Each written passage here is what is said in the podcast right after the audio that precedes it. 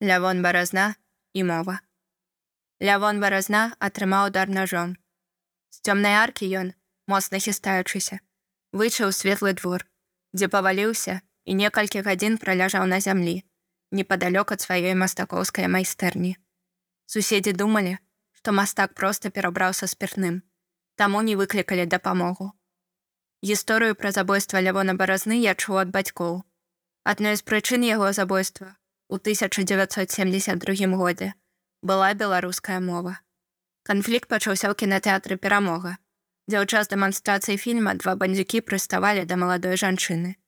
Лявон баразна разам з адміністратаркай кінатэатра спыніў сеанс і выгнаў іх з кіназалы. Яны паабяцалі, што пачакаюць баразну на вуліцы і разберуцца з ім і яго беларускай мовай. Пасля сеанса яны напалі на мастака каля кінатэатра.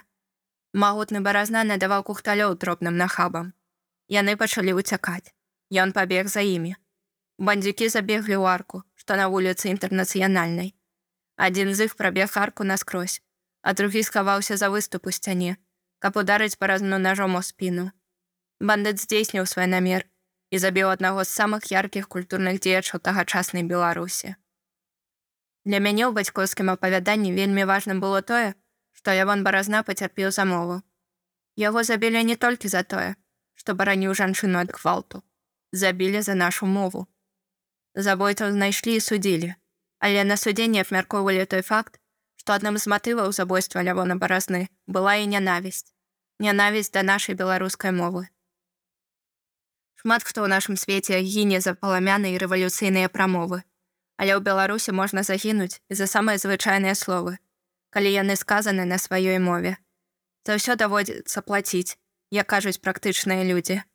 Так, нават за мову нам даводзіцца ахвяраваць жыцці, інакш не атрымліваецца і я бараніць.